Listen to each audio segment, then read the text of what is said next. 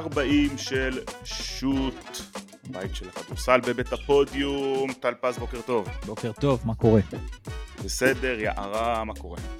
בוקר אור, שלום. תשמרי על האנרגיות האלה, זה חשוב. כן, היום אני ציפי וואו. ציפי וואו? מה זה אומר? אתה מכיר? זה מצומת מילה. לא משנה. ציפי וואו. לא. אוקיי, ציפי וואו, בוקר טוב ציפי, אז אנחנו בבוקרו של יום שלישי מקליטים, נדבר קצת על המסקנות והמחשבות על טורניר הגביע של NBA, נדבר קצת על אחת הקבוצות המפתיעות, אולי כן, אולי לא, אני לא יודע אם מפתיעה, מניסוטה, קצת קצת על הליגה הישראלית, על מה צפוי לנו באירופה השבוע, ואנחנו מיד נתחיל. יערה, מסקנותייך כן. מטורניר אה, גביע הליגה של NBA. קודם כל אני חושבת שכמו כולם אגב, אני זוכרה שזה די דעה שהיא מגובשת, שהטורניר הזה היה הצלחה. אה, אני חושבת שהפלטפורמה הזאת של משחקי נוקאוט עשתה רק טוב ל-NBA, זה היה גם באמת נראה שהשחקנים בעניין. Uh, באשר לחגיגות זה, נראה מוזר, כאילו לי זה נגיד לא היה נראה מוזר כי גביע בארץ זה משהו שהוא קורה הרבה שנים ואתה באמת חוגג אחרי זה וזה, לקחנו שנה שעברה והיה חגיגות, אבל כאילו ב-NBA זה מרגיש מוזר כי זה כזה כאילו עוד משהו חדש ו... ועוד לא, לא ידוע איך להתייחס לזה, ראיתי גם הבוקר איזה ידיעה שהם רוצים לשים uh, איזה באנר באולם על הזכייה הזאת. חושבת שזכינו לראות את אה, לברון, וזה באמת, אה, זה אחד לדור, אה, שחקן כזה. היכולת שלו בגיל כזה לקחת את הקבוצה עליו ולעשות מהלכים ו- ולהיות אולי הכי יעיל מבחינת אחוזי קליעה בעונתו ה-21 בליגה? 22, 21. 21. זה היה פשוט תענוג. וגם אינדיאנה שהיו הפתעת, הפתעת הטורניר, הפתעת הליגה, אני מקווה שזה גם ייתן להם, אתה יודע, בוסט להמשך. והקצב היה טוב, היה כיף לראות את זה, היה כיף, זה היה חידוש מרענן. ירון, לפני, לפני שניכנס לעומק, נדבר קצת על הלייקרס ועל לברון ונרחיב בעניין הזה, אני רוצה לצאת חוצץ נגד העניין הזה של הם לא מכירים גביע, הם לא יודעים, השחקנים מאירופה כן. תגיד לי אתה מה אתה חושב. בסוף לאמריקאים, אחד, בטח עכשיו השחקנים שמשחקים עכשיו בליגה אולי זה טיפה ידעך כי אנחנו רואים כל מיני שחקנים כבר אה, שמתחילים להיכנס מהג'יל ליג ומהאיגנייט ומכל המקומות האלה אבל בסוף כל השחקנים האלה ב-NBA הגיעו מהמכללות ששם המרש מנס והטורניר של NCAA זה נוקאוט זה גביע מאוד מאוד קלאסי הם מכירים את הפורמטים האלה, הם מבינים את החשיבות של משחק אחד של אלימיניישן, מן הסתם יש להם את זה גם בפוטבול, ו... זאת אומרת זה לא דברים שהם בכלל לא מכירים, כמובן אנחנו מכירים את הדברים האלה מאירופה שהשחקנים אה, מאוד מאוד חשוב להם, זה באמת כל כך חדש ולא ברור לשחקנים מה, מה, מה זה הדבר הזה של משחק אחד? לא, אני חושב שאתה צודק, אני חושב שהם אה, יודעים על מה מדובר. אה, בקולג'ים גם תזכור, זה לא רק שהם מכירים את ה knockout, הם מכירים כמה מפעלים, כי יש להם את, ה, את הטורניר של ה division, כמו ה Big East Championship, ואחרי זה יש את ה March Madness עצמו של, של ה-NCAA, הטורניר הגדול, אז uh, הם לגמרי מכירים את זה, וגם אני חושב שהיום, בטח הגדולים, אה, מאוד חשופים לכדורגל העולמי, הם הרי שם חברים של כולם, הם הרי רואים את הדברים האלה. לברון אפילו יש לו אחוזים בליברפול, הוא יודע מה זה אה, משחק אחד. בקיצור, הם מכירים את זה, ועדיין זה שונה. כשהם צריכים אה, לחוות את זה בעצמם, לראות איך הם, איך הם חוגגים, מה הם עושים בדיוק ברגעים האלה, אז אפילו ראו את לברון לוקח את הגביע ומהר מניף, זאת אומרת, עוד לא מכיר את הרגע הזה שאתה אוסף כזה את ה... את הוואו. האקדמיה על, על שם דניס שודר. כן, אז בקיצור, אה, אבל זה בסדר, זה יתפוס. אני שמח שהלייקרס אה, הולכים לתלות אה, באנר, זה לגמרי צריך להיות תואר, זה לגמרי משהו שצריך להיספר, ופשוט תהיה קטגוריה חדשה, צ'מפיונצ'יפס וקאפס. וקראתי קצת ב- ביום שאחרי, רצו לקרוא לזה The Stern Cup, ואז הם היססו, כי הם הרגישו שזה מנמיך מדי. זאת אומרת, שטרן צריך לקבל בעצם את מה שהיום נקרא לארי אובריין, שזה הגביע של האליפות, רק שאז הם יפגעו בלארי אובריין, שהיה commissioner לפניו, ולא היה קרוב לאימפקט של דיוויד שטרן, אבל עדיין זה שלו. אז יצטרכו לקבל שם החלטה מה, מה נותנים לדיוויד שטרן, ואז מה, איך קוראים לגביע. יש להם זמן uh, לטפל בזה, אני בטוח שימצאו uh, פתרון מצוין. ובסופו של דבר, העובדה שלברון היה כל כך מושקע, uh, סחף עוד, ואני חושב שזה רק יהיה יותר טוב בעונה הבאה. כבר שמעתי גם דיבורים על להגדיל את הפרסים הכספיים לשחקנים. גם אה, אדם סילבר אמר שלמרות שהוא מאוד אוהב את הפרקטים, היו כמה שחקנים שזה היה להם צעקני מדי, אז גם על זה יבדקו. יעשו את השינויים הקטנים, זה במקום טוב. אז, אז זה באמת נראה שב-NBA, גם אם לוקחים פורמט שהוא כביכול מוכר וידוע, אמרנו גם מהקולג'ים, גם מאירופה, גם מהכדורסל, גם מהכדורגל, הם איכשהו מצליחים לעשות אותו שונה ואחרת, ואיכשהו זה תמיד נראה יותר טוב, עם המיתוג של כל הדבר הזה, עם, ה... עם...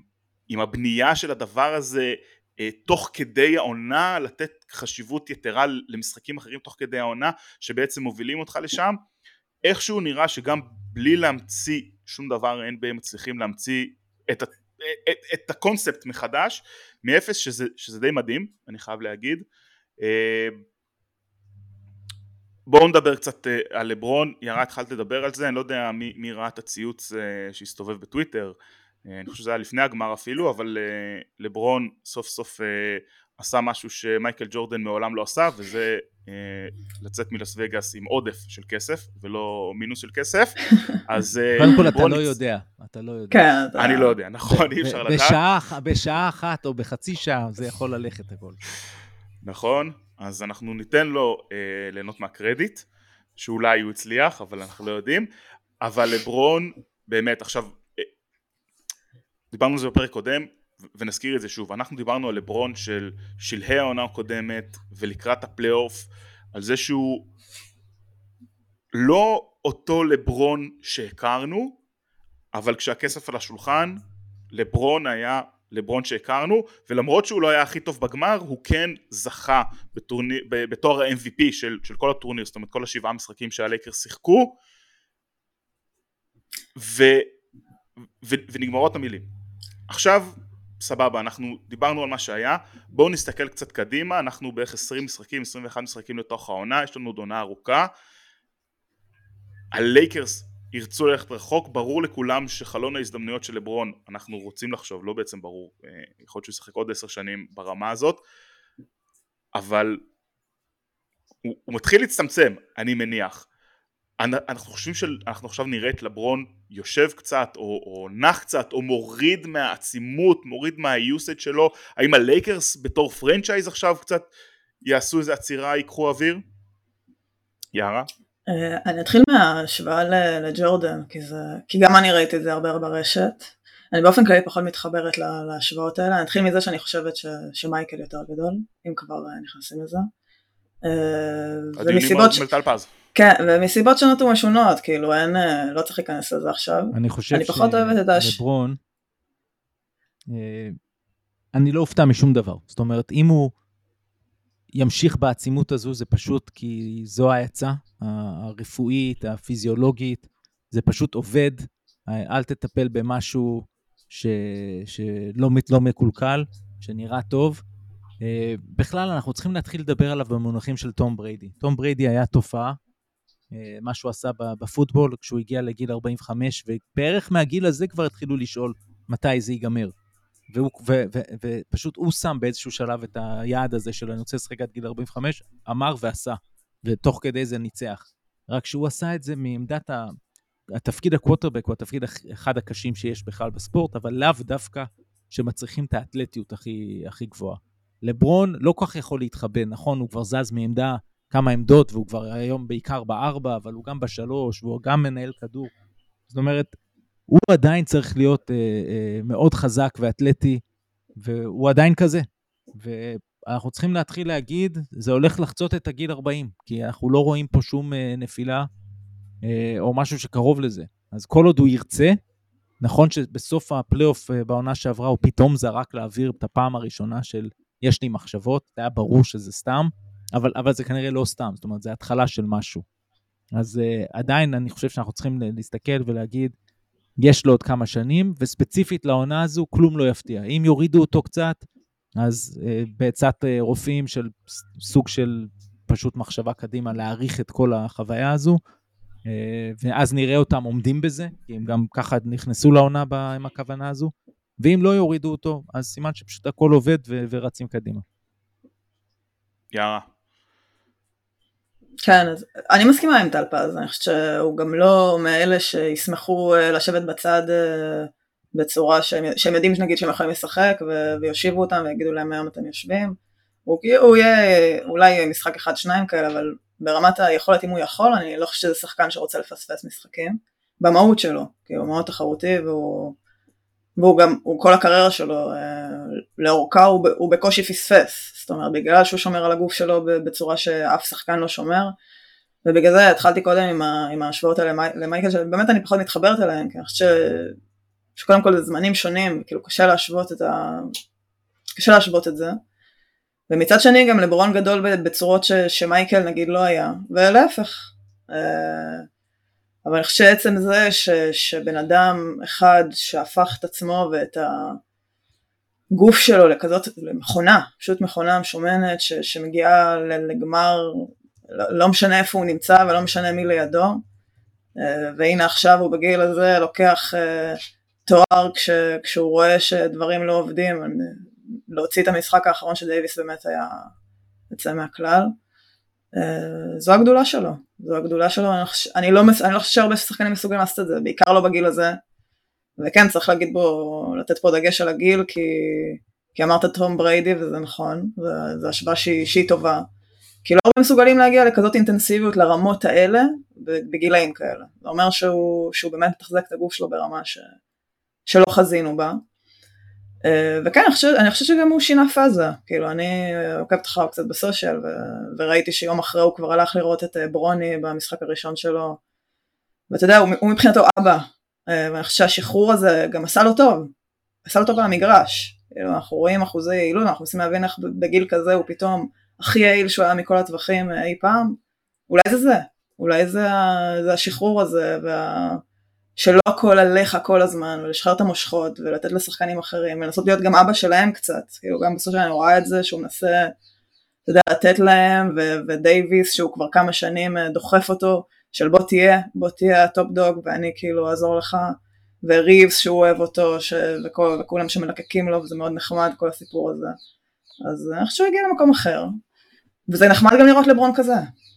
כן, אז, אז קצת מספרים על, לברון, רק בשביל לסבר את האוזן, באמת, אה, קולע הכי יעיל שלו בקריירה, עם 62 uh, efficient field goal percentage, אבל אנחנו כן רואים ירידה בשאר הפרמטרים, אה, אם זה בנקודות, אם זה באסיסטים, אה, אם זה בדקות, אבל, וחשוב להגיד, וזה קצת מתחבר למה שאת אמרת יערה, לברון לא שיחק עונה מלאה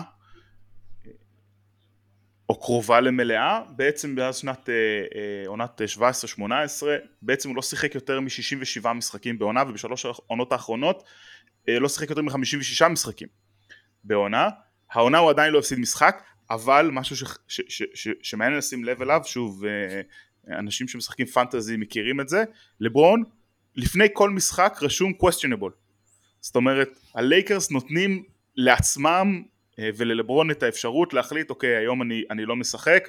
תמיד הוא, הוא על, ה, על הסימן שאלה הזה ובאמת יכול להיות שעכשיו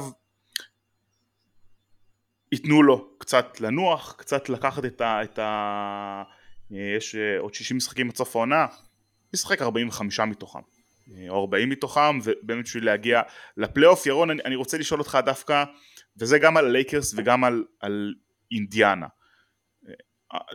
אמרנו את, את, את המשפט הזה קבוצת גביע טיפוסית אה, לא מעט פעמים, אני חושב ששתי הקבוצות האלה פחות או יותר עונות על, על המושג הזה, אולי אינדיאנה קצת יותר, אבל כמה, הדבר, כמה אתה רואה את הקבוצות האלה יכולות ללכת עד הסוף, או, או לא אם עד הסוף, אבל כמה רחוק הן יכולות להגיע בפלייאוף, ו- ו- ויותר מזה, אני, אני חושב שמבחינת ניסיון וערך מוסף, אני לא בטוח כמה לייקרס מקבלים מהטורניר הזה, כי יש להם שחקנים שהיו כבר על הבמות הכי גדולות וזכו וניצחו והיו איפה שצריך להיות, אבל כמה הטורניר הזה יכול לתת בוסט לאינדיאנה בחלק האחרון של העונה.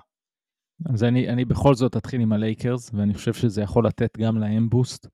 קודם כל, קיבלנו אה, הוכחה לכמה דברים שידענו. זאת אומרת, ידענו שדרווין האם היה מאמן טוב, ועוד יותר אנחנו רואים את זה. אה, אה, זה לא רק הטורניר הזה, זה גם ההחלטה ש... שהיא כאילו, היא, היא פשוטה או קטנה יחסית או לא משמעותית, אבל ההחלטה להעלות את קאם רדיש בחמישייה אחרי פתיחת העונה מגומגמת, עשתה את הסוויץ', ואז אה, הוא התייחס לזה ב, ב, במחצית, שאוסטין ריבס יש לו דקות, זה לא רק כמה דקות אתה מקבל, זה איזה דקות אתה מקבל, ויש לו המון דקות שהוא ממש הבוס הבלעדי, והכדור רוב הזמן אצלו, ואחרי זה רבע אחרון הוא בדרך כלל סוגר איתו, ואז לפי היום שיש לאחרים, לדיאנג'לו ראסל שפתח טוב את המשחק האחרון, אה, הוא מחליט מה הוא עושה. אה, ובכלל, גם תוך כדי ההגנה מול הליברדן, כל מיני דברים כאלה, אה, שאתה רואה שהוא יודע מה הוא עושה. ואנתוני דייוויס, זו בעצם השאלה שעדיין תישאר פתוחה. כמה הוא יכול לתת הופעות כאלו בפלייאוף. ובפלייאוף האחרון הוא היה עם איזה switch של on-off כזה, מאוד אה, לא יציב, היו לו כאלו הופעות, זאת אומרת, אולי לא בדרגת ה-40-20, אבל קרוב לזה. לפעמים זה קורה בתוך משחק של מחצית uh, מפלצתית ואז פחות. אבל הוא, כשהוא טוב ככה, אז הם, אז הם מועמדים לאליפות. אם היינו יודעים עכשיו שהוא מסוגל לתת את זה רוב הזמן בפלייאוף, אז הם, הם, הם שם למעלה, הם שם למעלה עם האחרים. פשוט אנחנו לא יודעים, אנחנו לא יודעים אם הוא יהיה בריא, וגם אם הוא בריא, אנחנו לא יודעים אם הוא מסוגל להיות uh, יציב ככה, אבל הגדולה שלו זה שזה באמת בשני צידי המגרש, uh, כולל בריבאונד, ולכן בעיניי זה נותן הרבה ללייקרס, פלוס בכל זאת לשחקן כמו רדיש, דקות כאלו בכמה משחקים מאוד מאוד חשובים, יעזור לרדיש הצעיר שלא היה בסיטואציות מנצחות אה, עד עכשיו בקריירה, והוא הופך לשחקן מאוד חשוב שלהם, כי הוא שומר מצוין, והוא צריך לשים את השלשה כשהוא אה, פנוי. לגבי אינדיאנה, זה מעולה בבנייה שלהם, הם כבר שלב מתקדם בבנייה. אה, היעד שלהם עכשיו, לדעתי, צריך להיות השישייה הראשונה במזרח, ולהגיע לשם זה כבר הצלחה. קשה לי עדיין לראות אם הם יכולים לקחת סיבוב, אה, אה, זאת אומרת, כנראה שלא, אבל זה יהיה אחלה פלייאוף, אה, וזה אחלה, אחלה סדרה. לא משנה מול מי הם, את מי הם יפגשו שם. כן, מקום חמישי כרגע במזרח עם מאזן 13-8. יערה, מחשבות על הליברטון ועל אינדיאנה בכלל?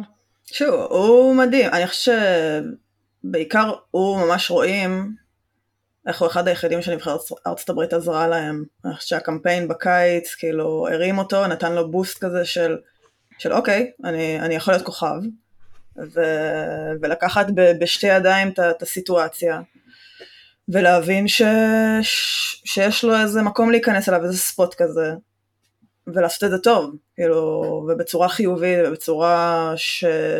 כוכב חיובי, כאילו מה שנקרא, שה... ה teammates שלו מסביב אוהבים אותו ושזה מתחבר, אמנם צריכים שם קצת אימוני הגנה כי, כי שם באמת נראה שזה רק צד אחד של המגרש, אבל, אה, אבל ברגע שזה גם מתחבר להם הגנתית הם יהיו בלתי ניתנים לעצירה, כאילו זו קבוצה ש, שקולעת אה, עוד לפני שהספקנו לפתוח את המשחק, אנחנו כבר רואים 100 נקודות על, על הצג. אה, וכן, הוא נראה בדרך הפתוחה להיות סוג של SGA כזה, שגם הוא עוד בתחילת דרכו, אבל משהו בסגנון. אה, וזהו, אני מסכימה עם כל מה שטלפז אמר לגבי הלייקרס ולגבי דייוויס. וסתם היה לי כזה פתאום כש, כשדיברת ש, שפעם, אני, אני זוכרת לפני כמה שנים זה היה, שדייוויס כאילו היה איזה פרי כזה. והיום יש לנו כל מיני וומבניאמה כאלה, וכל... והוא נראה לנו כאילו, זה נראה לנו תופעה אה, רגילה, כאילו היום דייוויס זה כזה, זה תופעה רגילה, זה לא משהו שהוא יוצא מן הכלל, ופעם זה היה כאילו יואו, איזה משחקים, איזה בלוקים הוא נותן, איך הוא מטביע ככה, אז... בימים האחרונים אה, בטוויטר, אה, חברתיות בכלל, יצאו סרטונים של ילד בן 12 נכון. בברצלונה, לא יודע אם ראיתם גם עושה דברים של ווין בניאמה. כאילו היום נהיו מוטציות כאלה, כאן... שאתה אתה כבר לא יודע, אתה... זה כמו שאנחנו קמים למציאות כזאת הזויה בבוקר, ונראה לנו הגיוני, כן, נראה סרטונים כאלה על הבוקר של, של מלחמה, כן, טיל אתמול יפוצץ את חולון, הכל טוב, כאילו, אנחנו ממשיכים בחיינו, זה מאוד סביר, אותו דבר ב-NBA, זה כאילו נהייתה איזה מציאות כזאת, שיש לך, מה זה, זה מוטציות, כאילו, הוואן בניאמין לדעתי מצביע בלי לקפוץ, הוא מרים את היד והוא, והוא מצביע. יאניס אה, עשה מתפרצת. כן, בכדרור אחד. קורט טו קורט עם כן. כדרור אחד, כן. בקל... כן, דברים רגילים ש... שגם אני יכולה לעשות. מתפרצת ולהטביע בדנק, כדרור אחד. כולנו, כן. אני... התחלתי לספור uh, כדרורים להלי ברטן, ב... כאילו כמה הוא מכדרר לפני המסירה שהוא עושה על כל המגרש. אז אם הוא עושה באמת את המסירות על כל המגרש, זה כדרור אחד, ואם הוא מריץ מתפרצת, זה שלושה כדרורים, ואז המסירה להשלשה בפינה, או מה שזה לא יהיה. אז uh, גם יפה לראות את זה. אגב, והוא דוגמה טובה, יפה, uh, אגב, אלי ברטון, שאתה יודע, ב-NBA בעיקר עושים להם, לפני שהם מגיעים עוד לליגה, ועוד שהם בפנקסי דראפט אפילו, של הכלייה שלהם, על הטכניקה, על ה... כל, כל הדברים, כל ה... והוא הכלייה שלו מכוערת, ממש מכוערת, אבל היא נכנסת. אז אתה יודע, זה מקרה שאולי, שלא צריך לתקן. כאילו, יש מקרים שאתה אומר, הזריקה לא יפה, היא לא אסתטית, אבל היא נכנסת, והיא נכנסת באחוזים טובים, אז כאילו, אין מה... אין מה להילחם זה, וזה כיף, זה כיף לראות אותו, כאילו, הוא בחור ממש חיובי ו- וטוב בכדורסל. אז... היה ראיון של מרק סטיין עם אה, ריק קרלייל, אה, והוא שאל אותו על הליברטון בדראפט. קודם כל זה דראפט הרי שאנחנו זוכרים, זה הדראפט של דני, שהוא תמיד מושמץ כן. כזה. ובעצם הוא לא צריך להיות כל כך מושמץ, כי אנתוני אדוארדס, הליברטון, מקסי, דזמון ביין, זה ארבעה שאני חושב שביין עשה כבר אולסטאר, והליברטון עשה אולסטאר, ואם ביין לא עשה אז הוא היה מחליף לראשון ל... ומשהו כזה. מקסי, סיכוי טוב שיעשה העונה. אה, אדוארדס כמובן כבר שם, ולא לא אמרתי אפילו למלו בול, זאת אומרת, יש פה אה, ארבעה ו- וחצי אולסטרים כבר. אה, כן, ועדיין היה סרטון סתם. שגם רץ אה, בסושיאל, שמישהי מראיינת את טלי ברטון, והוא זוכר את כל מי שנבחר לפניו. הוא במקום 12. כן. נכון, אז, אז, לא חוכמה. אז, אז אה, קרלייל, אה, רק להגיד על קרלייל, שהוא, שהוא סיפר שאז הוא עוד היה בדאלאס בדראפט הזה, והם עשו הכל, מבחינתם הוא היה מספר אחד בדראפט, בבורד של דאלאס, הם עשו הכל, ככה הוא אומר, כן, כנראה לא עשו הכל, אבל עשו הכל כדי לה, להתקדם בדראפט ולהצליח לבחור אותו, זה לא, לא הצליח להם, אה, אבל כן, זה תמיד, תמיד דיונים מעניינים, ו... וזרקת SGA, אז הנה שאלה שתמיד עושים בארצות הברית. אם אתם צריכים לבחור להתחיל קבוצה. אתה נופל על הדברים שאתה לא אוהב. לפ... לא, אני לרוב לא אוהב את השאלות האלה, אבל הפעם אני אוהב כי זה מרענן, לפחות זה שמות חדשים. עם מי אתם מתחילים? עם SGA, אנתוני אדוארדס או טייריס הליברד? אני, אני, אני יודע עם מי אני לא מתחיל. אני לא מתחיל עם אנתוני אדוארדס, ותכף נדבר עליו. SGA. אבל uh, בין השניים האחרים, כן, אני גם חושב SGA. אבל, אבל אני לא חושב שהוא רחוק נורא מהלי ברטון. אוקיי. לא, אני, אני, אני עוד לא, לא יודע. באמת, אני, אני גם מאוד אוהב את אדוארדס, אני, אני גם מבין את הבעיות עדיין שיש, אבל uh, יש לו גם איזה משהו קילרי כזה. נכון. שוב, זה, שאלה, זה עניין של טעם בעיניי גם, זה לא, זה לא בהכרח מי יותר טוב, זה פשוט עניין כן. של טעם והתאמה, כאילו אמרת דאלאס, לדעתי הוא היה מאוד מתאים ליד אה, לוקה דונצ'יץ', כאילו זה אחד השחקנים שאולי היו הכי מתאימים לידו, ברמת הקצב שלו והיכולת שלו לעשות נקודות בלי הרבה כדרורים ולהיות, off, לשחק off the ball.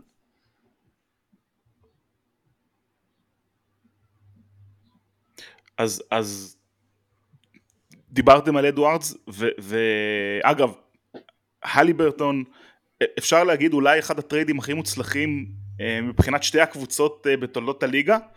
אה, עבר מסקרמנטו תמורת סבוניס לאינדיאנה, מקרה קלאסי של שתי קבוצות שמנצחות טרייד, אחת ראינו שנה שעברה וגם השנה נראים טוב למרות שלא יציבים, פוקס היה קצת פצוע וסבוניס בכלל נראה יוצא מהכלל ואינדיאנה אנחנו רואים את ההצלחות שלהם. וצריך להגיד, אין לו סביבו סגל מדהים, יש לו סגל לא רע סביבו, הלי ברטון, אה, אבל לא מדהים, ואם אינדיאנה ישחקו את הקלפים שלהם, ויש להם כמה שחקנים צעירים שעוד, שעוד יכולים להתפתח שם, אה, קבוצה מאוד מאוד מסקרנת לעתיד, אבל הצלע השלישית בשאלה שלך, אנטוני אדוארדס ומיניסוטה, סוף סוף נראה שהם מצליחים, לפחות לפי תחילת העונה הזאת, אה, להגיע למקומות שציפו מהם, למקומות שציפו שהם הגיעו אחרי הטרייד של גובר שהיה נראה כמו כישלון סוחף אה, שנה שעברה ואולי השנה קצת מתחיל להיראות טיפה אחרת.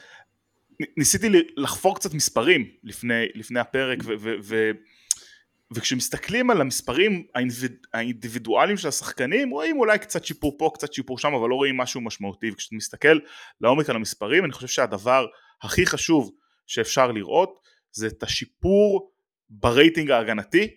בעצם מינסוטה מובילים היום את הליגה יש להם את ההגנה הכי טובה בליגה.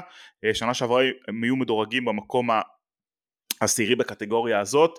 אה, רק מקום 19 אה, ב offensive rating שזה יכול להיות כנראה משמעותי לקראת החלקים המכריעים של הליגה אבל ירון מה אנחנו יכולים לצפות ממיניסוטה? זה, זה אפיזודה כזאת כמו הפליקאנס שנה שעברה או שאנחנו רואים פה משהו ש, שיכול ללכת יותר רחוק? צריך להגיד הפסידו הלילה בלי אדוארדס אחרי שישה ניצחונות רצופים אבל אני חושב שבאמת בלי אדוארדס אפשר, אפשר לשים את זה בערבון מוגבל הפסידו לפליקאנס כן, קודם כל הפליקאנס זה לא אפיזודה, זאת אומרת הם, הם, הם פרצו יפה בעונה שעברה, יש להם עומק, אנחנו פשוט לא יודעים עד כמה הם יכולים להיות טובים, כאילו אולי גם הם לא יודעים, וגם ובריאים. שם כבר שם כבר יש אולי את, אה, נקרא לזה בעיית זיון, שאגב היה מדהים הבוקר, אבל אה, ראינו אותו בבמה הגדולה שם בווגאס, אה, לא טוב כל כך,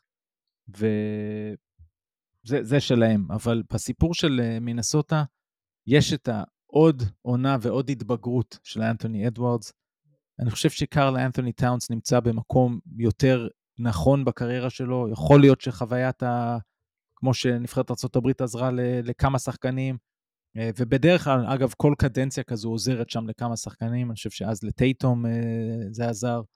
אה, אז אני חושב שהחוויה שלו עם הדומיניקנים עשתה משהו, ויש לו איזו הבנה יותר איך הוא משחק גם עם גובר, גם הבלנס שלו עם אדוארדס, אולי הוא בתוך תוכו, אולי הוא אף פעם לא יודע שהוא המספר 2, הוא בטח אומר לעצמו 1A, 1B, לא משנה איך הוא קורא לזה.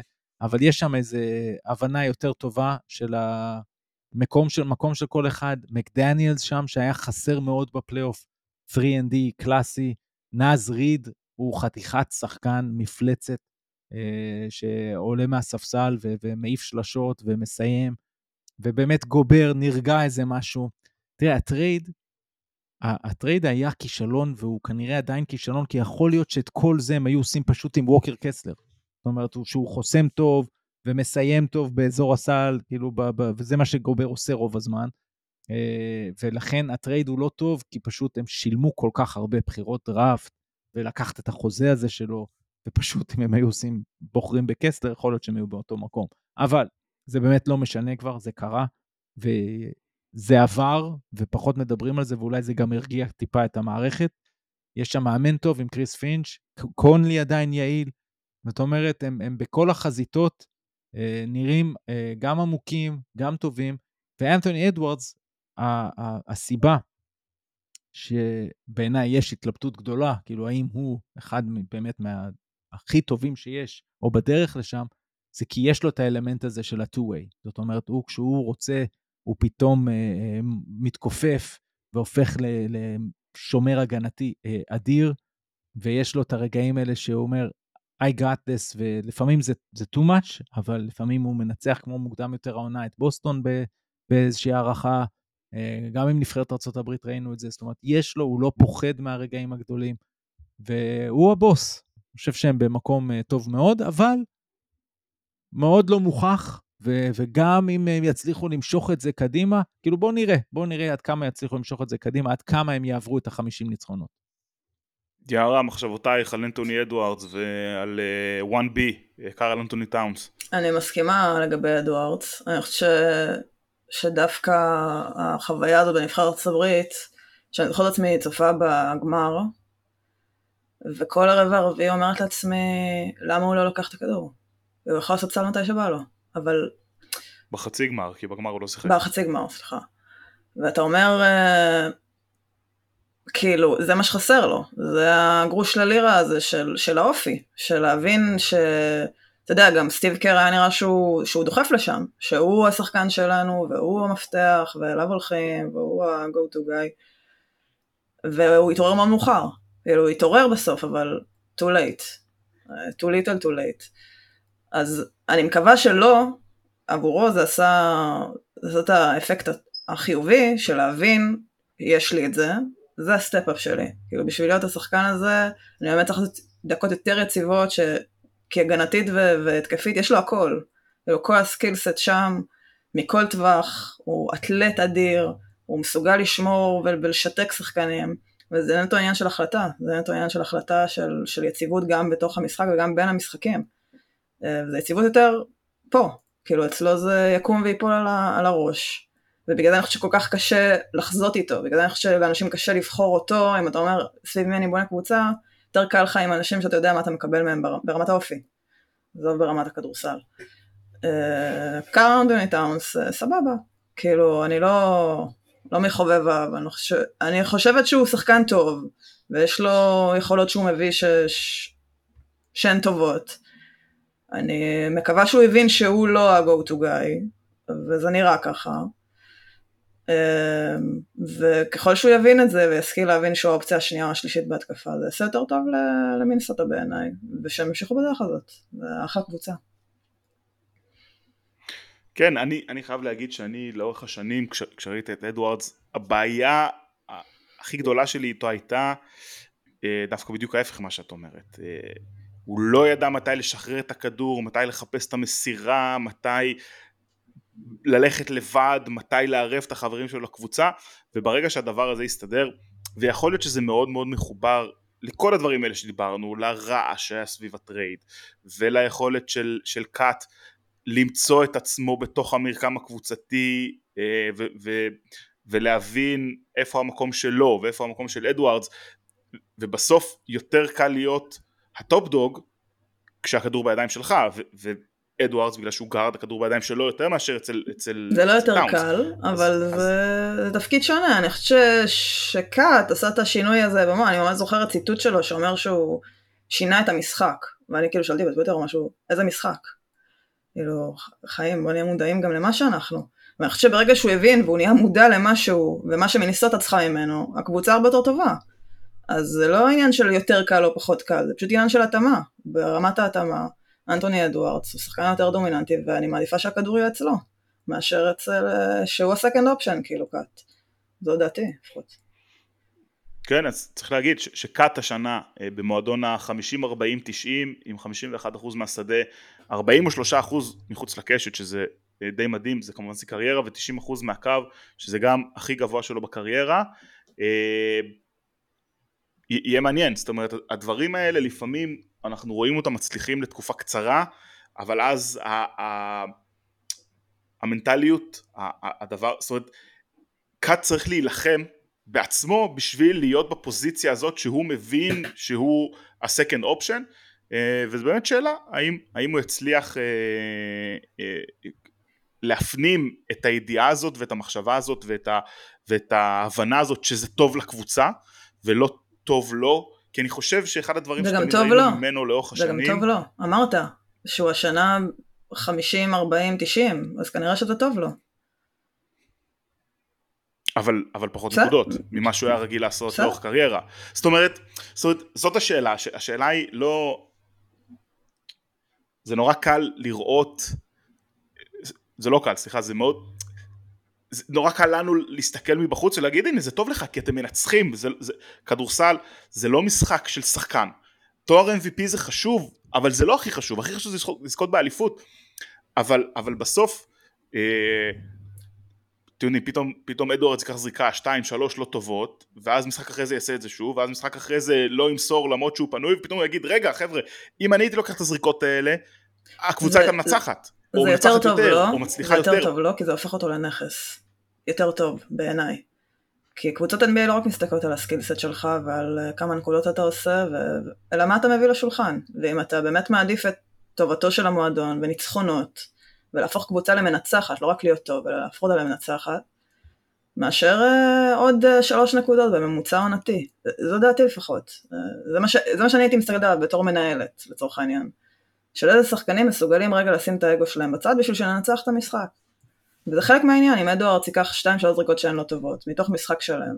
זה, זה לא משהו שהוא כזה דרמטי בעיניי. כאילו, זה התפקיד של שחקנים שמובילים את הקבוצה שלהם. גם משחקים לא טובים. היה משחק שצפיתי בו של אוקלאומה די מזמן, לפני איזה חודש, שה-SG היה פשוט מחריד, התחיל את המשחק עם איזה 0 מ-10 מהשדה. כאילו, ברמה הזאת, ממש מחריד, מחריד, מחריד, והוא לא מפסיק לזרוק, כי זה התפקיד שלו. זה התפקיד שלו, הוא לא מפסיק לזרוק. כמו שלורנזו בראון במכבי, במשחקים שבולדווין היה, לא הפסיק לזרוק. והיו לנו ביקורות על זה והכל נכון, אבל זה מה שהוא צריך לעשות, זה התפקיד שלו. הוא להרים את הזריקות האלה. בסופו של דבר לקלוע אותם, בסופו של דבר לנצח גם משחקים מסוימים. חלק הוא הפסיד, אבל חלק הוא ינצח. ירון, מה, מה, מה, מה יהווה הצלחה לקבוצה הזאת העונה? הם חייבים לעבור סיבוב בפלייאוף. אה, ראינו אותם כבר נותנים fight בעונה שעברה. אה, לדעתי הם עברו סיבוב שנה שעברה ואז הפסידו סיבוב שני. אה, אם אני זוכר, הייתה סדרה טובה. ופשוט מקדניאלס היה פצוע והתמודדו עם כמה כאלו. יש להם כבר ניסיון פלייאוף. אז כאילו בא לי להגיד גמר מערב. זה קצת זה טיפה קשה, כי אתה אומר, אוקיי, יש, יש את דנבר, ו, ועוד לא ראינו את פיניקס אה, בהרכב המלא שלה, זה אמור לקרות אה, ממש בקרוב. אז, אז בואו נראה איך זה קורה, אבל הם, הם, הציפייה שלהם שם, כמו שסקרמנטו, אני חושב, היא כן להגיע לפחות לשם.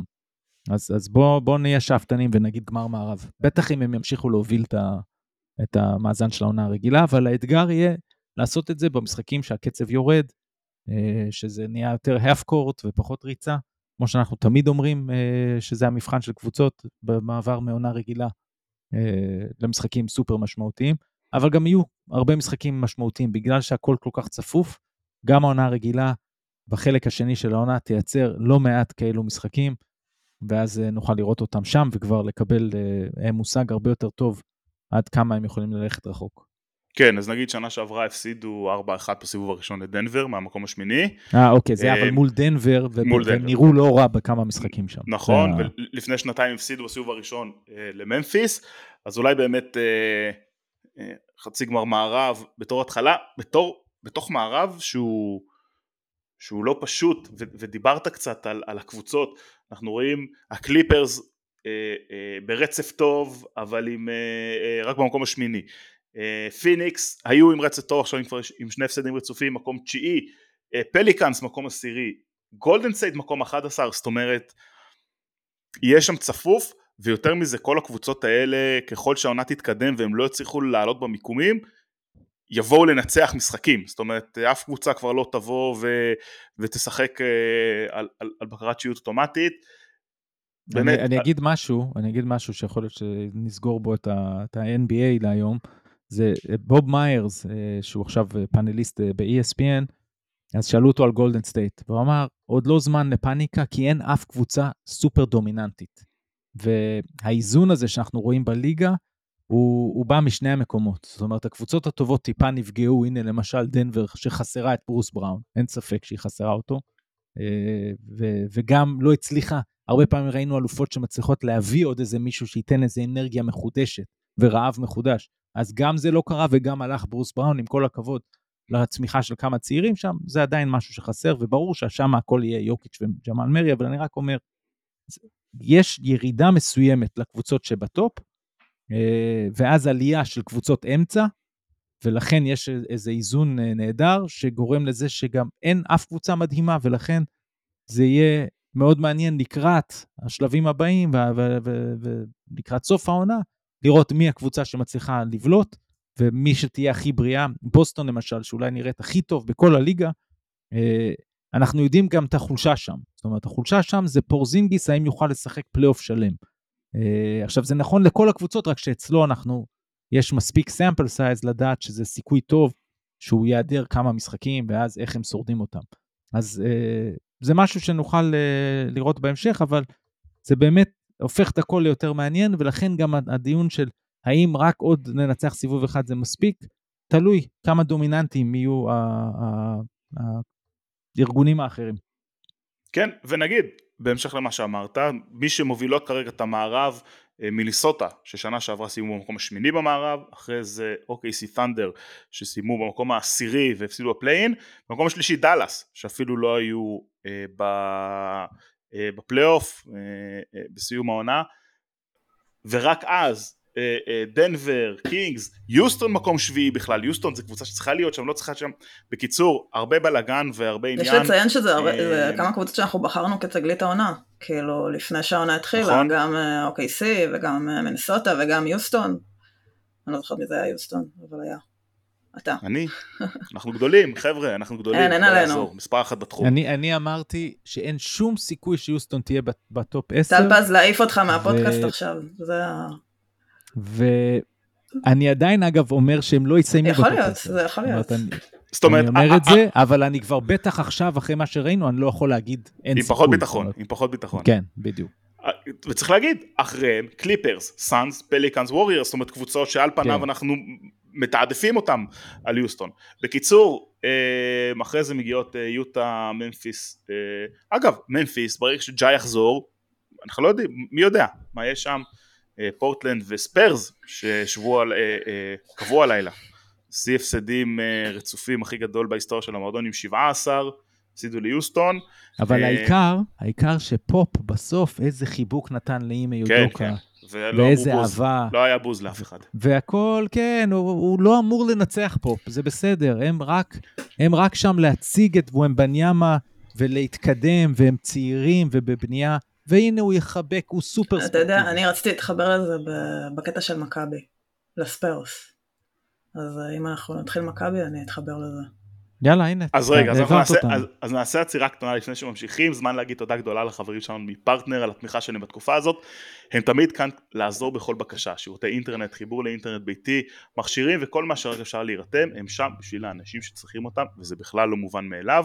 בעקבות המצב ועד להודעה חדשה פרטנר שדררה את כלל לקוחותיה לרשת ה-5G ללא תשלום כדי שיהיו זמינים כל הזמן ובכל מקום.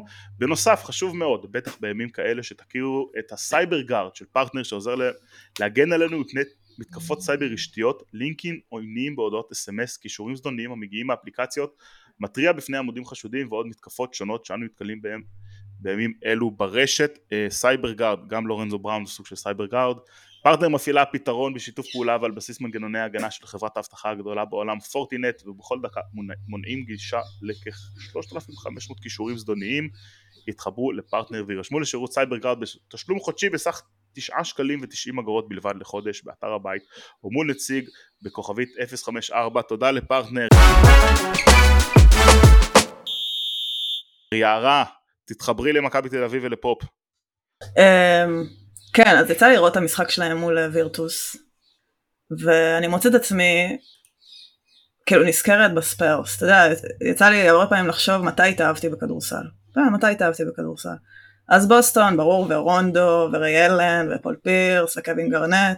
את כל נכון. כך צעירה, את כל כך צעירה נכון, שזה לא ייאמן, נכון, זה לא ייאמן. הייתי בת 14, לא זוכר, חגגתי בר מצווה, בגדול. בוא, אומרים, אנשים שאומרים התאהבתי בכדורסל בגלל נכון, בוסטון. נכון. סליחה, על הריבר, כן. ברור. אבל אני לא חייתי כן. בתקופה, אז זה, זה מתי שהתאהבתי. ומתי עוד התאהבתי? התאהבתי בספרס.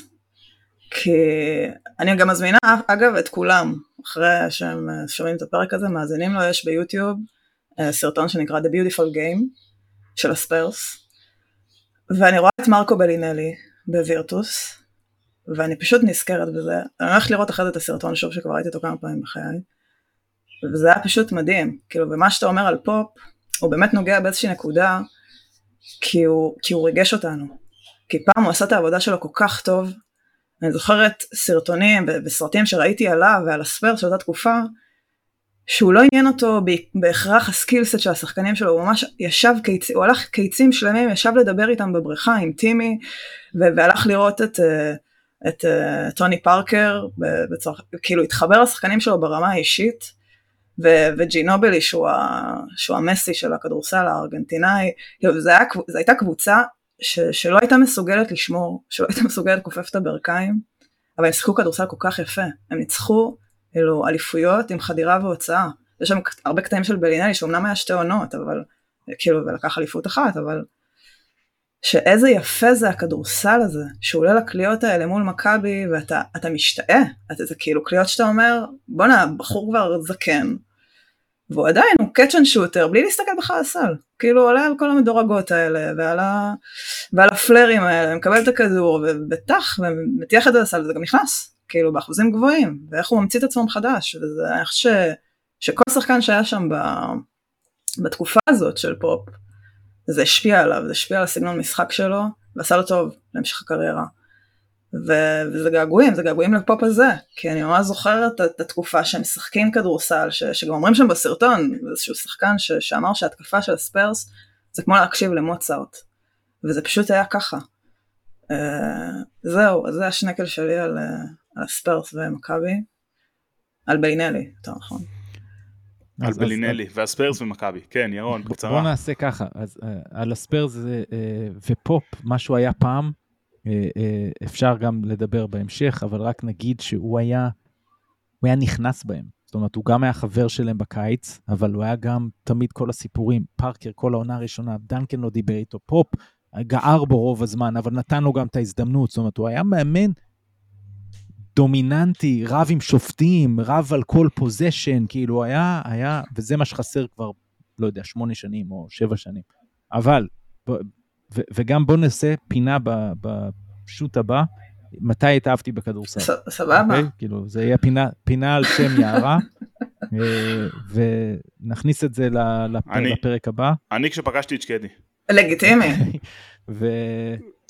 ולגבי מכבי, או יותר נכון בלינלי, זה כל כך יפה לראות אותו וננדו דיקולו, קצת כמו שאנחנו מדברים על לברון ב-NBA, כאילו את, את הוותיקים האלו אה, שפורחים ונדמה לי שבלינלי שיחק עם בולוניה בגמר שהם חטפו את ה-40 הפרש ממכבי. העונה הראשונה שלו הייתה שם. אנחנו מדברים פה על 19 או 20. זה כאילו איזה סגירת מעגל. 19 או 20 שנה. כן, אז, אה, אה, אז לראות אותו מביא את ה... באנגלית יש את המילה קראפט, uh, את ה... לא יודע, האמנות שלו, ה... מביא את זה גם היום ברמה הזאתי, זה מאוד יפה לראות. ומבחינת מכבי, אני חושב ש... כאילו, אם אתה סופג 100 נקודות במשחק יורוליג, אה, אה, זה קצת בעייתי. אז uh, אני אעשה לכם ספוילר, לא דקולו ולא בלינלי יקלו את סל הניצחון בגמר הפיינל פור השנה, זה יהיה שוב סרג'ו יול.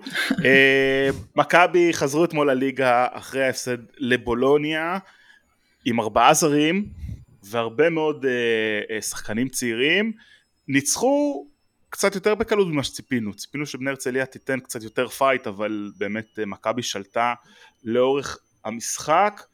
אה, הזרים שהגיעו היו אה, קליבלנד, ניבו, ווב וריברו, סורקין עם 21 נקודות, ריברו עם 17 נקודות הובילו את הקליעה בצד של מכבי. אבל בואו נשים את זה בצד ובואו נדבר קצת אולי באמת על, על החבר'ה הצעירים ואולי אפשר להכניס את זה קצת לדיון בכלל על, על שלוש הגדולות של הכדורסל הישראלי עם ירושלים ועם עם הפועל תל אביב שהתמודדו כל אחת בצורה מאוד מאוד שונה צריך להגיד עם מה שקרה עם חזרת הליגה. מכבי עשו את זה טוב ירון. קודם כל ספציפית אתמול צריך גם לזכור שיש להם יתרון גדול. כלומר כשאנחנו מסתכלים על הליגה כליגה אז הם באים מול הרצליה שהיא כולה על חלודה, זאת אומרת הרבה קבוצות פה שבקושי שיחקו, ומכבי כן משחקת אה, כבר תקופה ומשחקים עם אה, עצימות גבוהה. אה, פלוס העובדה שהיו כמה זרים, שליטה בריבאונד מוחלטת של ריברו וסורקין, אז הם עשו מה שהם רוצים, תיקנו המון החטאות, ומבחינת ה... מכל הבחינות זה נהדר למכבי. זאת אומרת, זה נהדר, אולי לא בטרטור הנוסף של הפיצול הזה, שתכף נדבר עליו, אבל uh, זה נהדר להם. ווב uh, זה דקות אחרות, בדיוק מה שאמרנו קודם, לריברו זה דקות אחרות, ניבו רוב הזמן נח בכלל, אבל uh, uh, קליבלנד, דיבר על זה קאטה שם בתוך כדי המשחק באיזשהו ראיון שהקליטו קודם, שיש לו צ'אנס בהרכב חסר ל- ל- להיכנס יותר ולהשתלב יותר גם ברמה ההתקפית. אה, ופלוס, מבחינת בניית הצעירים, זה היה, כאילו, עומר מאייר... אז בוא, בוא, בוא, בוא ניתן את השמות, עומר מאייר עם 23 דקות ו-9 נקודות, רועי בכר 8 נקודות, 3 נקודות, ו... 8 דקות. ש... 8 דקות ו-3 נקודות, ושחר דורון עם 12 נקודות ו-4 דקות. זאת אומרת, לא עלו ב... רגע, הפוך, 12 דקות ו-4... כן, אתה מפיץ פייק ניוז. כן, לא ישנתי, יש לי תינוק. תינוק, אה, תינוק בן אה, שבועיים, אה, לא ישנתי כבר שבועיים. תראה, צריך לדבר פה על עומר מאייר, כאילו, במקרה יצא לי לעקוב אחריו כבר כמה שנים, כאילו, מאז הנבחרות הצעירות, אפילו הקדטים. אה, אחלה פוטנציאל, אצלו סיפור הקליעה יהיה, ונראה שהוא מאוד שיפר את זה. פלוס הוא כבר חזק. אתמול זה היה נהדר, כאילו, הוא עשה, אני חושב, שישה עיבודים, אז, אז מאוד כן. חשוב, זאת אומרת, זה, זה בדיוק ה... אולי הדבר הכי קשה, ו- ופה יערה גם יכולה להגיד, אה, בטרנזקציה מ- מהנוער לבוגרים, פתאום העוצמות אחרות, ופשוט אה, אבל גנבו לו צריך להגיד, צריך להגיד, במכבי שמגיעה בלי לורנזו בראון ובלי בולדווין ועם דיברטולומיאו פצוע, בעצם תמיר בלאט זה הרכז היחידי הבכיר שיש בסגל, ועומר מאייר מקבל דקות לא רק בגלל אה, המצב, אלא באמת כי, כי צריך שהוא ישחק והוא יהיה טוב. כן, ואין כמו קטש, שחווה את זה בעצמו, ו, ו, ופה יערה עוד הייתה מאוד צעירה, אבל אני זוכר את זה מצוין, את ה... את ה בעצם, סליחה, יערה עוד, כן, עוד לא הייתה. אה, כש, כש, כשקטש היה שם בדיונים של האם הוא צריך להיות במכבי, ואז השאלה לקבוצה אחרת, ואז הוא באמת, הוא דרש את ההשאלה, והוא היה נהדר שם, וגם רמת גן וגם גליל, ואז חזר למכבי כבר כ, ככוכב, אז uh, היה כיף uh, אז לראות את זה, ואני חושב שהכי דומה מבחינת סגנון המשחק זה שחר דורון. Uh, הקלאסה שלו כשהוא עולה לקליעה, זה נראה מאוד מאוד מבטיח. זאת אומרת, מבחינת הכדורסל שלנו, בואו לא נגזים ולא נקדים את המאוחר, אבל פשוט מבחינתי, כצופה כדורסל אוהד ניטרלי, כיף לראות את המכבי הזו בליגה, כי מאוד מסקרן, גם הצעירים האלה וגם לראות את מנקו ו- ואת כולם ב- ב- בתפקיד אחר, בתפקיד אחר שהכדור יותר אצלם, יותר אה, מקבלי החלטות, זה יכול לעזור להם לביטחון ו- ולהרים להם ליורוליג. אני שואל את השאלה, מה בינתיים קורה עם, ה- עם הזרים ש- שלא פה, ומה קורה עם ה... אה, כשהם לא פה, מי עובד איתם? אני בטוח שהם, שהם פתרו את זה באיזושהי צורה והם ממשיכים לעבוד איתם שם, אבל איך נראים האימונים? כמה זמן זה נמשך הימים האלה אה, שהם לא ביחד? זה, זה משהו שעוד uh, יצטרכו לפתור במכבי. כן, אז השבוע מכבי תל אביב מול אנדולו, שניצחה אתמול את פנרבכצ'ה 81-80 בדרבי, ודיברנו על, על הקבוצות האלה שחוות uh, איזשהו אה, מש, לא משבר אבל, אבל צורך חדש שלא הכירו לפני שבאמת ניהול אה, קרוב ורחוק בו זמנית. אפשר, אפשר מילה? אפשר מילה על מכבי? על הצעירים? כן, כן. כי, כן. כי זה מעניין וזה מתחבר לדיון שהיה לנו על אה, דייוויס ואורן בן יאמה. אני חושבת שברמת, גם מסתכל על נבחרת ישראל, כאילו לאורך השנים והמון זמן הטיעונים של הבעד ונגד היו כזה, טוב אנחנו לא ברמה האתלטית או ברמה, ברמה הפיזית של שאר הנבחרות, אז, אז זה בסדר שנפסיד, כאילו, והיו הרבה קמפיינים כאלה, והשחקן הישראלי היה כזה חצי מדשדש בגלל החסרונות האלה מול היריבים האירופיים שלו, ורואים גם בשנים האחרונות הרבה בנבחרות הצעירות, וגם בליגה, ובעיקר בלאומית, ש, שגם פה זה השתנה. כאילו גם פה נהייתה מודעות מאוד גדולה לעבודה על הסקילס ולעבודה על הגוף והשחקנים האלה, אתה אומר, עומר מאייר, הוא, הוא נראה כמו מפלצת, כאילו, הוא נראה כמו זר, ברמת איך שהוא בנוי. כאילו, איך שהוא בנוי ואיך שהוא אל הקליעה, והג'אמפ שלו, ועומר דורון אותו דבר, כאילו, לא, לא יש אה, ברמה גופנית עוד לאן להתפתח לדעתי, אבל זה כאילו, זה שם. ובגלל זה אני לא חושבת שזה אפילו... זה טוב שהם עולים איתם, כי הם שחקנים לגיטימיים, זה לא שהם שחקני נוער שעושים להם טובה, כי יש עכשיו איזושהי סיטואציה כזאת וכולי וכולי, אלא באמת הם, הם מתאימים והם ברמה, ו... וזה עליהם להוכיח את זה. והמעבר לבוגרים הזה הוא מאוד קשה, והרבה שחקנים שנופלים בדרך, כי הם לא מצליחים לעשות את ההתאמות האלה. ועומר מאי, אני חושבת שזה עוד התחיל בתחילת העונה, כשעוד לפני כל המלחמה ומה שהיה, היה איזה משחק גביע, אם אני לא טועה, שהוא, שהוא עלה והכלייה שלו אוטומטית והוא, והוא שומר טוב והוא שם ברמה, הוא לא נופל ברמה הפיזית, שזה המון פעמים מה שקשה למאמנים עם שחקנים שעולים מה, מהנוער, שמופתעים מהרמה ומופתעים מהפיזיות ומהאינטנסיביות, והוא לא שם, וגם שניים האחרים, עומר דורון ועומר ובכר, הם עלו ונתנו והוכיחו ש, שזה המקום שלהם, כאילו, ושזה עליהם, חובת ההוכחה עכשיו עליהם, של להיות יציבים ברמה הזאת. כן, אה, אה, אה, נתקדם להפועל תל אביב והפועל ירושלים, הפועל תל אביב היום מול וולפס מדורגת כרגע במקום השביעי, הפועל תל אביב בכלל נראים טוב והצליחו לצלוח את המעבר הזה בין אירופה לליגה, משחק ראשון הביאו שני זרים, משחק שני כבר הביאו ארבעה זרים, יערה איך, איך את מתרשמת מהם?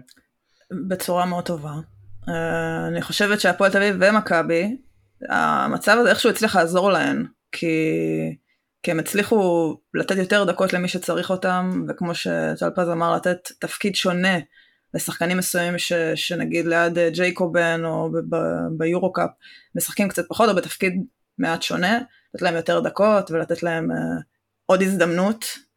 ואגב, גם לחזור למשפחות שלהם, כאילו ברמת הישראלים, זה גם, אה, זה גם עניין של להיות, שזה קשה להיות רחוק כל כך הרבה זמן, שאתה יודע שזה מה שקורה פה בארץ, אני בטוחה שזה משפיע עליהם ברמה המנטלית. בטוחה ששחקנים כמו בר תימור ו- ותומר גינת ו- וגיל בני וכל החבורה שהם חוזרים לפה לארץ, זה גם כיף להם, כאילו לראות את המשפחה ואת כל. העניין הזה. וגם הם בנו איזשהו תלכיד קבוצתי ש, שמצליח לצלוח את, ה, את הדברים האלה, הם משחקים בצורה שוטפת וטובה וכל אחד עושה את התפקיד שלו, והנה גיל בני עשה שיא קריירה, אה, ולוקח על עצמו יותר כי הוא יודע שבמשחקים האלו הוא יכול לקחת על עצמו יותר ולהוריד קצת עומס מאחרים. אה, וזה כיף לראות. ירון, ירון זרוק ללופ הזה גם את אה, הפועל ירושלים שמחר משחקת סוג של משחק עונה ראשון שלהם אה, נגד פאוק, אה, משחק ביתי במרכאות. ניצחון של ירושלים מבטיח לה את המקום הראשון אה, בתום הסיבוב הראשון, מה שאומר שמונע, מוריד להם את ההצלבה ועולים ישר לסיבוב השני. הפסד מבטיח להם שהם לא ישימו במקום הראשון, כנראה מקום שני, עדיין תלויים רק בעצמם בשביל המקום השני, ניצחון בנקודה או שתיים כבר משאיר תרחישים למחזור האחרון, אבל אחרי המכה שהם קיבלו, שתי המכות שהם קיבלו שבוע שעבר, ובעיקר התבוסה הזאת לעפולה, איך אתה רואה שזה משפיע עליהם?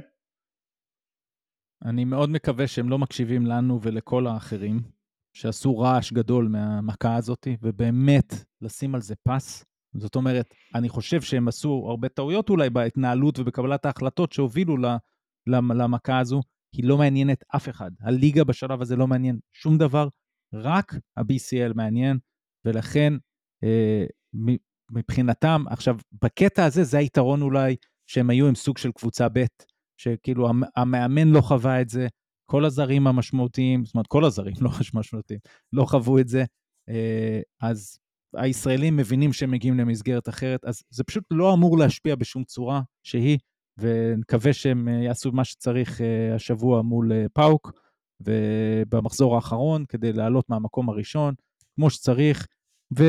ונקווה שגם בזמן הקרוב אה, הם יפתרו את נושא, את נושא הליגה, כשהם רואים, כשהזרים שלהם רואים אה, הרבה זרים, גם של מכבי שבאים, אז נכון, עדיין לא השלושה, אה, בראון בולדווין וקולסון, אבל אחרים פה, והרבה אחרים פה, ו... ויותר ויותר דיבור, והם מדברים ביניהם, אני חושב שבקרוב מאוד אה, הם יצליחו לשכנע ולפתור את זה, וזה יהיה מאחוריהם. הסיפור הזה בסוף לא אמור להשפיע לאורך טווח. יערה אני, אני, אני, אני מנסה להסתכל על זה בעיקר מהצד של הישראלים אני חושב שיש הבדל מאוד משמעותי בין הישראלים של מכבי תל אביב והפועל תל אביב לבין הישראלים של הפועל ירושלים. אני חושב שמבחינת כישרון נטו אה, לא יעזור אני חושב שהשחקנים של, של שתי התל אביביות יותר מוכשרים. זאת אומרת מסוגלים לקלוע יותר מסוגלים לייצר יותר אה, בעוד שהישראלים של הפועל ירושלים מאוד טובים לקונספט הזה שבנוי בהפועל ירושלים אה, סביב הזרים וסביב ההגנה וסביב זה כדורסל של, של ג'יקיץ' אבל הדבר הזה אני, אני מסכים עם ירון שמבחינת אה, אה, מבחינת משמעות ספורטיבית אין הרבה משמעות להפסדים האלה. אה, ואני חושב שהיה ברור לכולם כולל השחקנים שהיו פה אה, ש, שיש סיכוי מאוד גבוה שיגיעו ללא ניצחון למשחק הזה מול פאוק בליגה. אבל בסוף כן הייתה פה סערה סביב הדבר הזה. אם זה ברמת התקשורת ואם זה ברמת האוהדים ואם זה ברמת הקבוצה ובסוף להפסיד 40 הפרש ואתה יושב ו- ו- והשדרים אומרים בואנה איזה בושות והאוהדים אומרים בואנה זה לא הקבוצה שלי ו- ו- וכל התקשורת מסביב אומרים בואנה הפועל ירושלים פישלו בתור שחקנית כמה הדברים האלה נכנסים לראש ומשפיעים עלייך קדימה או שכולם מבינים מה המצב ומוחקים את זה? אני, אני מסכימה. אני חושבת ש... אני, אתה זוכר, בפרק הקודם לקח לי את זה קצת קשה, כאילו את, ה, את כל מה שירושלים עשו, ובעיקר כשחקנית ישראלית, כי, אמר, כי הרגשתי, כאילו הרגשתי לליבם של השחקנים הישראלים שנשלחו לדבר הזה, כאילו בלי המאמן שלהם ובלי אולי איזה גב, כאילו די כזה לקטישה. לא חשבתי שזה ייגמר ככה מול עפולה, אבל אתה יודע, עפולה בכל זאת מתאמנים, ועם זרים, וכאילו, היה הגיוני שהמשחק הזה ילך לכיוון שלהם. אני חושבת שהדבר הנכון מבחינת ירושלים זה לא להתעלם ולהגיד לא היה פה כלום, כי היה פה, ואני חושבת שזה יכול לפגוע בשחקנים הישראלים שלהם ברמה מסוימת לפחות לתקופה הקרובה, כאילו אולי ברמת הביטחון, אולי ברמת ה... מה שהם מביאים, אולי ברמת התחושה שלהם של אוקיי, אולי כאילו לא מעריכים אותי כמו שאני רוצה שיעריכו אותי בקבוצת כדורסל ולא הכי נתנו לי את הגב, אני לא יודעת מה קורה מאחורי הקלעים, יכול להיות שהוא אחרי המשחק התקשר אליהם והתנצל ואמר להם כמה הוא אוהב אותם וכמה הוא מעריך אותם וכל הכבוד להם שהם, שהם היו ונשארו וכל הכבוד לעוז בלייזר כזה שראיתי שרוצה לעלות במשחק ולא עניין אותו כמה התוצאה שהוא, שהוא עמד שם והבין שזה התפקיד שלו אולי כמבוגר האחראי הזה שצריך להיות על המגרש בדקות האלה ולא לתת לכל מיני שחקני נוער או כאלה להיות בסיטואציה הקשה הזאת. אני חושבת שהדבר הנכון כמועדון, ראיתי גם את אה, אדלסון בסוף המשחק אה, מתנצל בפני האוהדים של, של ירושלים להגיד אנחנו מתנצלים על מה שהיה, אולי לא התנהלנו הכי טוב בסיטואציה הזאתי, אנחנו למדנו מזה, ובאמת להביא את הזרים שלהם במשחק הבא ולהגיד אנחנו יוצאים מפה לדרך חדשה, כאילו זה, זו, זו בעיניי הדרך הכי טובה שלהם לצאת מזה ולשחרר את זה מעליהם, כי אי אפשר לנתק את זה שזה לא, זה קרה, זה קרה וזה, לא הייתה דרך בעיניי לפחות להתנהל, קבוצה בסדר גודל כזה שמכוונת למקומות שהם מכוונים, אבל לקחת את זה אחריות, לקחת אחריות ולהגיד כאילו אנחנו מצטערים, גם בפני האוהדים שלנו שהגיעו את כל הדרך הזאת ונסעו למשחק, וזה מה שהם ראו, וגם בשביל השחקנים שלנו, שתשמע, לשים את יובל זוסמן ב... בסיטואציה ששמו אותו. אני לא יודעת אם זה גם הדבר הכי חמור ברמה המערכתית, כאילו מצפים ממנו לדברים מסוימים, ואני לא יודעת אם משחק כזה הוא מה שיעזור לו אה, להתקדם ולהביא את היכולות שלו ככל שמתקדם את העונה. אני לא מתרגש מזה שהוא לא הכי טוב עכשיו ולא הכי אה, זה, כי כמו שאמרת, הוא יותר מתאים לסיטואציה של לשחק off the ball, והוא לא באמת רכז במהות שלו, הוא, הוא גארד, הוא גארד, הוא קלעי, ואני חושבת שהוא יכול לתת הרבה לירושלים העונה, והם היו גם צריכים לחשוב על זה. אז, אה, זה להתנצל, לעשות שיחות ביניהם, בינם עצמם, ולהמשיך הלאה, כאילו זו, זו דעתי לפחות. יפה, ירון עוד משהו להוסיף? לא, אז uh, אנחנו רק נגיד היום יום שלישי בשעה שבע אה, הפועל תל אביב מתארחת uh, בוולס בווילנה. מחר יום רביעי בשעה שבע וחצי הפועל ירושלים נגד פאוק אמרנו משחק שניצחון יכול להבטיח להפועל ירושלים את המקום הראשון uh, בסיום שלב הבתים הראשון של ה-BCL חמישי תשע וחמישה מכבי תל אביב נגד אנדולו. מכבי במאזן שבעה ניצחונות שישה הפסדים. אנחנו יודעים שכל משחק ביורוליג קובע. ירון תודה יערה, תודה, דיוויד שעומד מאחורי כל ההפקה והעריכה ודואג שאנחנו נגיע ונהיה ערים בבוקר, אה, תודה, אנחנו שוט, תחזירו את החטופים הביתה, נשתמע שבוע הבא.